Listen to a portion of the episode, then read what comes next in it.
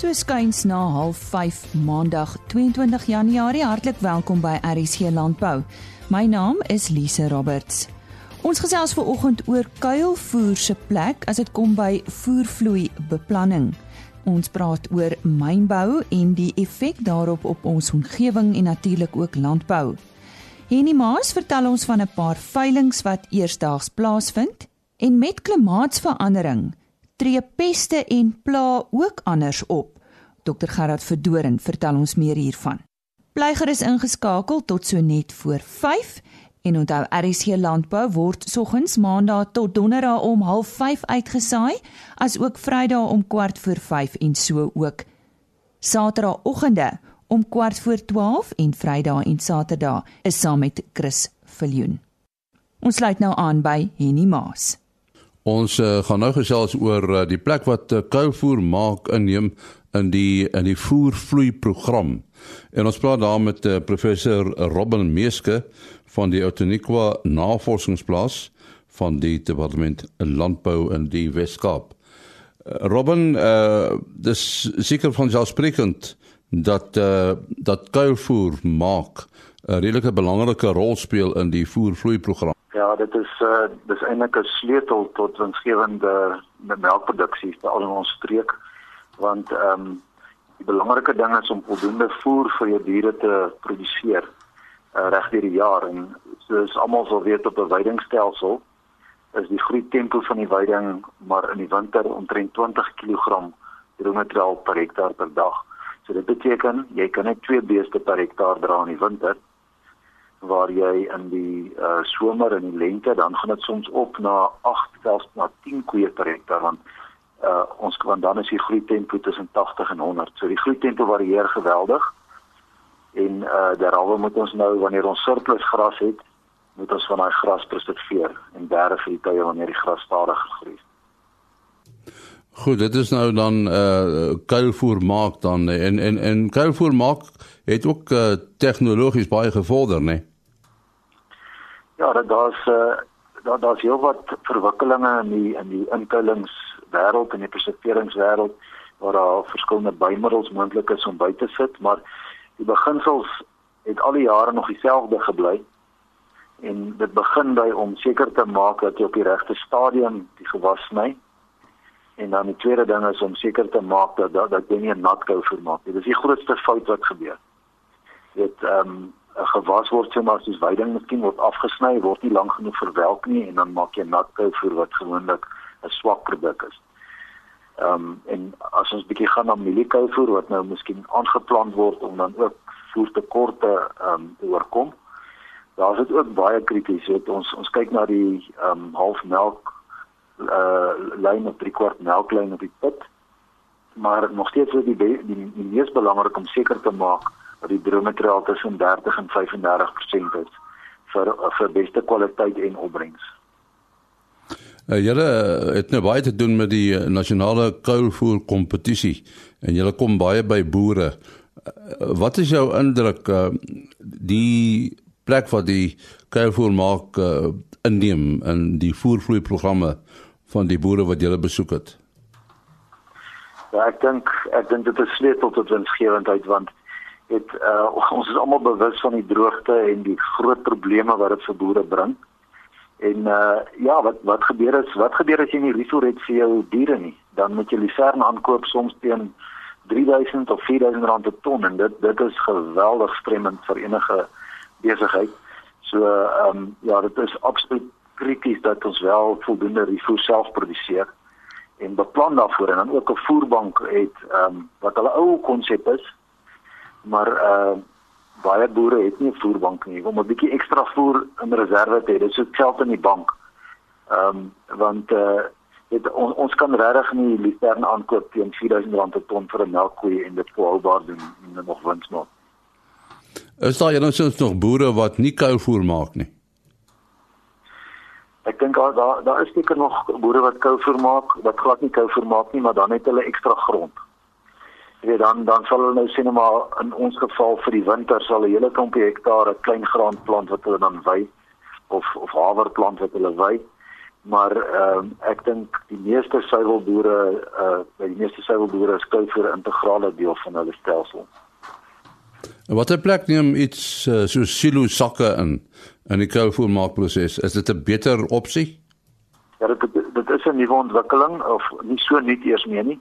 Ehm um, dis 'n is 'n goeie konsep want die materiaal word in 'n sak ingestop en daai sak word geseël. So die kuivoer is baie gou dig uh, wat wel so is die kompaksie is nie so hoog gewoonlik in die sakke as in 'n gewone bunker nie.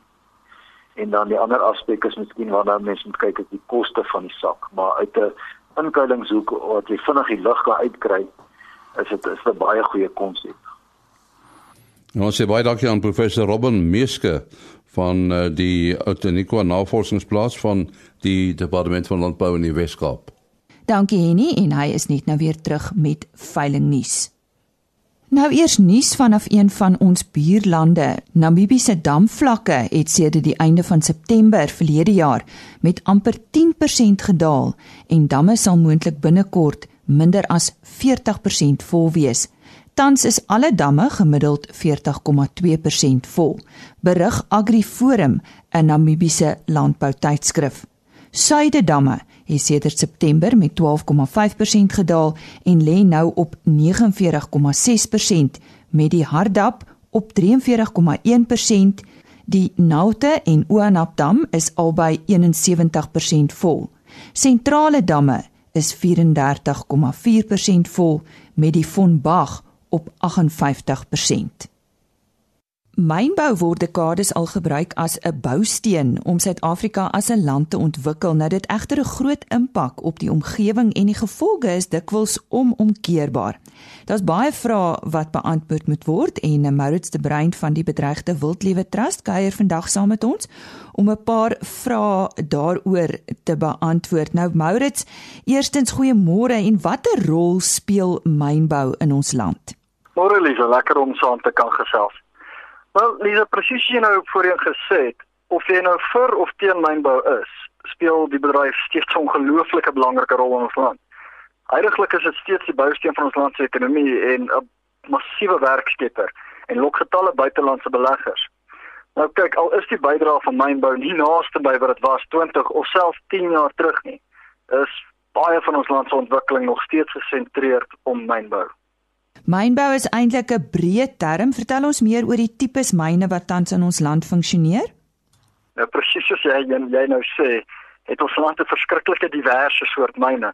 Nou meeste mense sou dink aan mynbou in ons land, dink hulle gewoonlik onmiddellik net aan ons meer bekende goud, steenkool, diamante en um, veral ons platinum myne. Daar in ons land natuurlik nog menigte koper, ystererts, krom, manganies, sandmyne en natuurlik die myn van gasse soos metaan.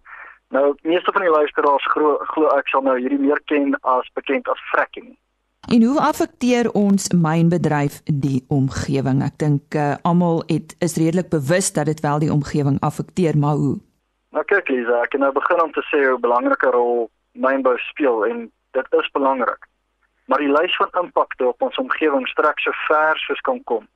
Die mynbedryf veroorsaak grootskaalse erosie, sinkgate, verlies van vrugbare grond vir ons landbousektor en doen drastiese skade aan ons oppervlak en grondwater. En natuurlik word biodiversiteit net so hard getref deur mense impakte. So dit kan definitief nie geïgnoreer word nie. Het julle al so 'n gevalle studie teëgekom? Weet jy ongelukkig verskriklik baie. Ek sal dit maar veilig stel hier en nou nie 'n spesifieke myngroep noem nie, maar kom ons vat byvoorbeeld na die Witbank Middelburg Hoofveld area. Nou die lugkwaliteit in die area is van die slegste in die wêreld. Dit val in dieselfde klas as van Asië se groot industriële gebiede. Nou dit gee jou en die luisteraars dalk net so semi van 'n idee dat hierdie is tussen ons in Suid-Afrika en ons pragtskoon natuur wat hierdie besig is om te gebeur. Daar is aansienlik meer mense wat in die area woon wat ly aan asma en longinfeksie wat uit en uit is as gevolg van die steenkoolmyne daar. En behalwe vir ons eie gesondheid, so dit nou een kant op sy moet jy nou weet die voedselsekuriteit soos die landbou in die area sal nooit weer kan terugkeer na 'n gesonde toestand nie met die water en grond wat onkeerbaar besoedel is. Maar ek meen soos ek genoem het, die lys van gevalle studies gaan net aan. Kom ons praat bietjie oor water. Hoe presies benadeel mynbou ons waterbronne? Dis Lise, dis daar nou 'n uh, dis nou ietsie waaroor ons kan praat vir 'n paar dae. ons oppervlak en grondwater word direk en indirek ernstig benadeel deur mynbou. Nou, soos almal weet, is Suid-Afrika 'n waterskaars land en op die huidige oomblik is ons besig met erge waterbeperkings, soos byvoorbeeld wat nou in die Kaap gebeur. Nou, vat net byvoorbeeld, kom ons sê 'n gewone steenkoolmyn wat groot hoeveelheid water kort daagliks. Die water word besmet natuurlik met al die prosesse waardeur dit gaan en so besoedel enige ander water waarmee dit in aanraking kom. Nou, byvoorbeeld die ondergrondse water wat enigstens in aanraking kom hierna strek so ver tot op 200 km, selfs 300 km. So jy kan nou dink as jy nou ietsie besmet ergens rondom Wakkerstroom selfs byvoorbeeld, gaan dit geïnfekteer word in die Vaalrivier. En ek neem aan ons land se biodiversiteit kan nie regtig veel meer van hierdie bedreigings hanteer nie, is ek reg? Nou sê net soos jy daar sê, ons biodiversiteit is meeste van die kere die eerste slagoffer van 'n myn wat gestig word. Nou moet jy ook onthou die biodiversiteit en ekosisteem en dis die slegste gedeelte. Sal nooit weer kan terugkeer na sy oorspronklike toestand nadat 'n myn gestig is nie. Soos wat ek nou nog hierso sit, wag ek nog vir iemand om vir my 'n myn te kan wys wat gerehabiliteer word om dieselfde biodiversiteit en ekosisteem te huisves wat dit eens gehuisves het voordat 'n myn gestig is. Volgens my bestaan iets soos dit nie. So is dit dan 'n geval dat dit beter is om te myn in gebiede waar daar minder waterbronne en biodiversiteit is? Dis 'n fantastiese vraag want kyk, dit jy moet altyd kyk na area waar hierdie goed minder geëffekteer gaan word en daar sal altyd areas wees wat minder sensitief is, ja. Maar ek dink meeste mense onderskat presies hoe ver 'n myn se wortel strek. Bedoelende al myn jy 100 km van 'n sensitiewe area soos jy dit nou genoem het gaan 'n myn steeds 'n impak op die area kan hê of dit nou die lug is wat struktureel of dit die water is wat struktureel daar is menigte goeie so dit nog steeds geaffekteer kan word. Ek moet sê ek lag so lekker as ek hoor hoe die mense sê van fracking in die Karoo, dit is nou natuurlik die onttrekking van metaangas daarso. En hulle redeneer heeltyd maar daar's niks sensitief in die Karoo nie, daar's nie water nie. Maar die grondwater is nou al so gebesoedel in daai areas dat dorpe en stede in die Vrystaat en selfs in die Wes-Kaap geaffekteer word. So ongelukkig volgens my is daar nie regtig 'n geval om in 'n minder sensitiewe area te kan myn nie. Mynbou bly belangrik soos jy al vroeër gesê het in ons land se behoeftes aan energieopwekking. Is daar ander alternatiewe waarna ons kan kyk? Dit is belangrik, Lise, jy is reg. Maar onthou, dit is nie volhoubaar nie ons minerale gaan éventueel uithardloop en daai tyd wat dit gaan uithardloop is baie nader as wat ons graag sou wil glo. En daar is alternatiewe. Daar is goeie alternatiewe wat goed in werking is. As jy kyk na sekere eerste wêreld lande soos Duitsland selfs, kan jy sien hoe hulle geskuif het van steenkoolmyne na hierdie alternatiewe toe en met onsaglike groot sukses. Grootskaalse sonpanele en windturbines is van die min voorbeelde wat 'n massiewe bydrae kan maak tot ons land se kragsektor. So dit is daar. Die probleem is net ons moet begin meer fokus hierop. So kan ons aanhou met hierdie huidige pogings om soveel moontlik myne te begin met die hoop dat dit ons ekonomie sal verbeter? Ja, baie kort. Nee, Lisa, ehm um, dit is amper wil ek sê 'n kinderlike fout. Dit is soos om 'n pleister op 'n afbeen te plak. Jy kan nie verwag dat soos wat ons ekonomie minder en minder op mynbou kan fokus vir die volgende paar jaar nie dat ons moet net reageer deur meer en meer myne op te gaan. Want ek meen inteendeel as jy dan besig om ons biodiversiteit in ons landbousektor te verkoop vir dit. So nee dit is absoluut 'n verskriklike simpel fout as ek dit so kan stel.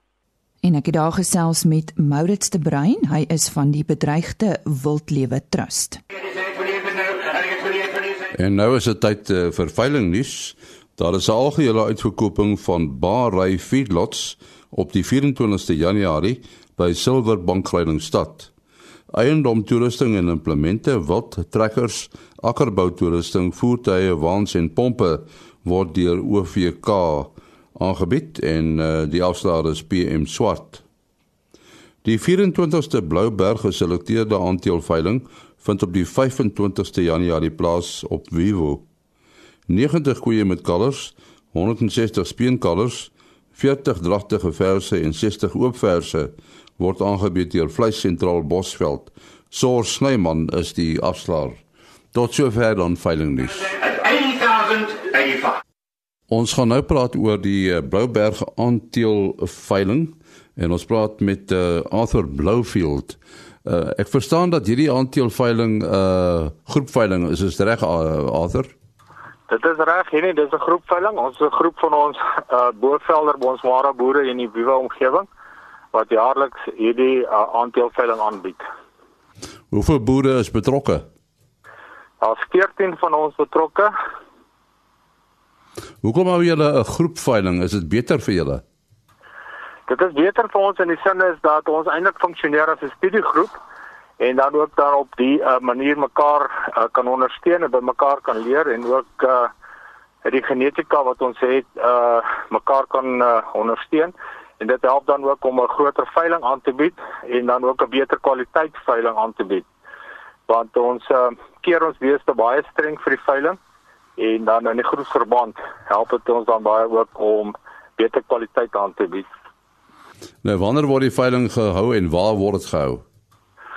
Dit word gehou op die 25ste Januarie 2018 om 11:00 hier op Vivo by die Boerevereniging se veilingskrale en uh, die aanbod bestaan uit 70 koeie en kalvers, 40 dragtige verse, dan so 60 oop verse en dan het ons steenkalvers intussen aangegroei tot so 270.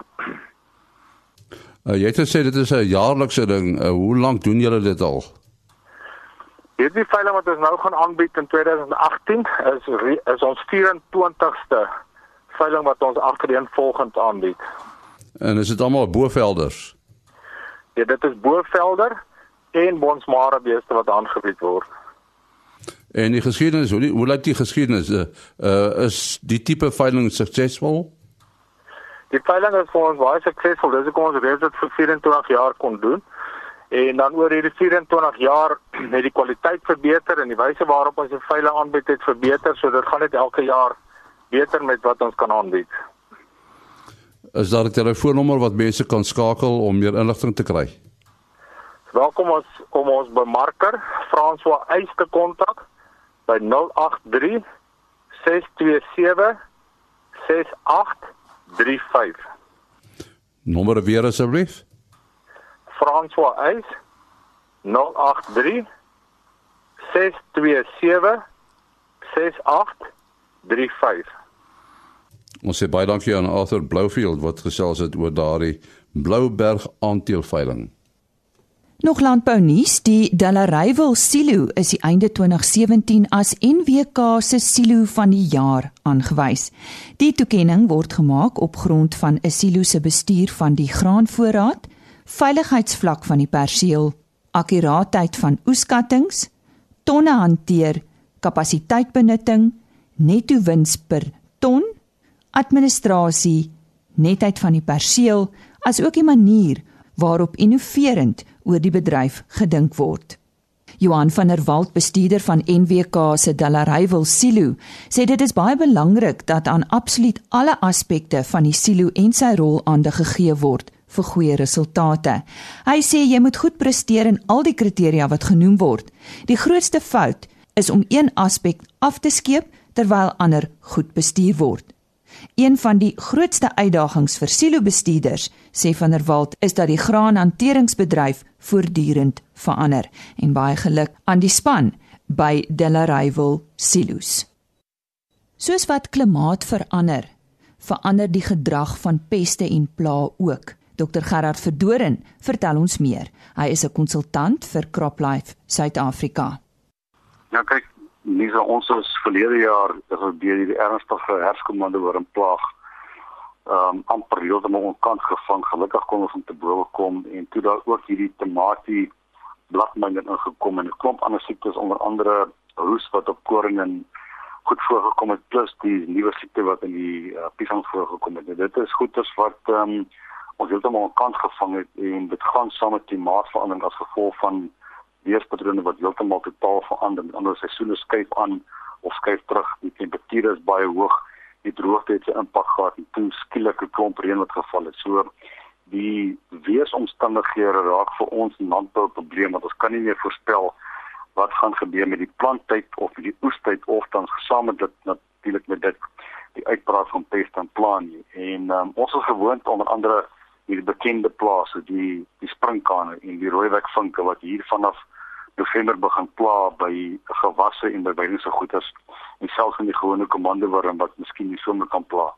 Maar nou word die weer baie warmer bly tot later in die seisoen en die reëns mas waarskynlik later kom, is daar 'n goeie kans dat nog steeds uitbreking kom van die kom ons sê met die epidemiese of die pandemiese peste wat in Suid-Afrika was in heel vroeg in die somer ingekom het. Ehm um, so die boere moet bedag wees en dit is baie belangrik om elke dag jou gewasse deur te gaan. Ons het net laas jaar hier rondom as in Oktober se kant in die Weskaap 'n gewellige inval gehad van die Afrika bolworm op goedes kanola en koring wat heeltemal totaal ehm um, onverwags was. Dit gebeur so een keer in 10 jaar, maar hierdie was 'n uh, enorme uitbraak geweest. So mate dit party van die kanola lande heeltemal totaal verwoes. So, die kort boodskap is dat ons kan nie meer akuraat voorspel wat gaan gebeur met pest en plan nie en daarom is die sogenaamde scouting of die die voorbehoedwerk wat jy moet doen om seker te maak jou gewasse elke dag veilig raak vir boere al meer belangrik want as ou nie weet hoe jou gewasse aangaan nie gaan jy op 'n dag wakker word na 'n plek vol van die wurms of van bladmengers en dan jy oes dit totaal verloor. En die gebruik van 'n uh, produkte, dit is ook belangrik hoe en watter produkte gebruik moet word. Ja, kyk uh in terme van die voorkoming, uh, ons aanbeveling vir die boere is vanaf Kaapstad Suid-Afrika is om te begin ernstig werk met ehm um, die sogenaamde pheromone traps wat ou aanwend in gewasse onder andere vrugte en selfs by die graangewasse kry jy deesdae pheromone traps wat bepaalde insekspesies vir kan vang en dit gee vir jou baie goeie idee van wat aan die gang is met die insekbevolking. Veral met goed soos die korlingmotte en met die komando wat dalk nog goed kan jy deesdae die goed kommersieel aankoop en gebruik as 'n as 'n voorkomingsmaatregel om met ander woorde jou kundig te maak oor wat gebeur met die gewasse. En dan as die pest en plaag jou begin betrek, moet jy maar baie goed konsulteer met jou landbouchemiese agent en maak seker die ouer se krop as Suid-Afrika geakkrediteerde agent want daar loop baie jakkals rond wat enige gemors na boer verkoop. En dan as hy vir jou produkte almal vir jou maak seker die etikette is wel daar aangewys vir die gewas en vir die plaag. Ons vind baie keer dat eh uh, produkte word verkoop en aanbeveel teen die gewas of teen die etiket se aanbeveling en dan kom maar gewaskade of die produk werk nie korrek nie en jy eintlik jou geld gemors of jy het nie jou ware gekry met ander woorde van korrekte plaagbeheer nie. So dis maar 'n redelike moeilike storie om by te bly maar die beginsel is as jy jou skerping korrek doen met jou pheromone traps en jy gebruik die korrekte middels volgens die voorskrifte kan jy waarskynlik die meeste pest en plaag baie maklik en koste-effektief onder beheer bring, maar as jy van die reëls afwyk, moet jy verwag jy gaan die gevegte nie wen nie, want die gevegte raak vir die boer, het sy kontant gewas boer of 'n uh, vrugteboer raak al meer uitdagend in hierdie omstandighede in Suid-Afrika. Gerard, nou as 'n produsent nou 'n uh, pes raak loop en hy rapporteer dit of hy kontak sy konsultant wat hy maar gewoonlik mee werk kan hy aanvaar dat daai persoon dit aan julle sal rapporteer of sal julle verkies dat 'n produsent enige vorm van peste of pla ook met julle kommunikeer?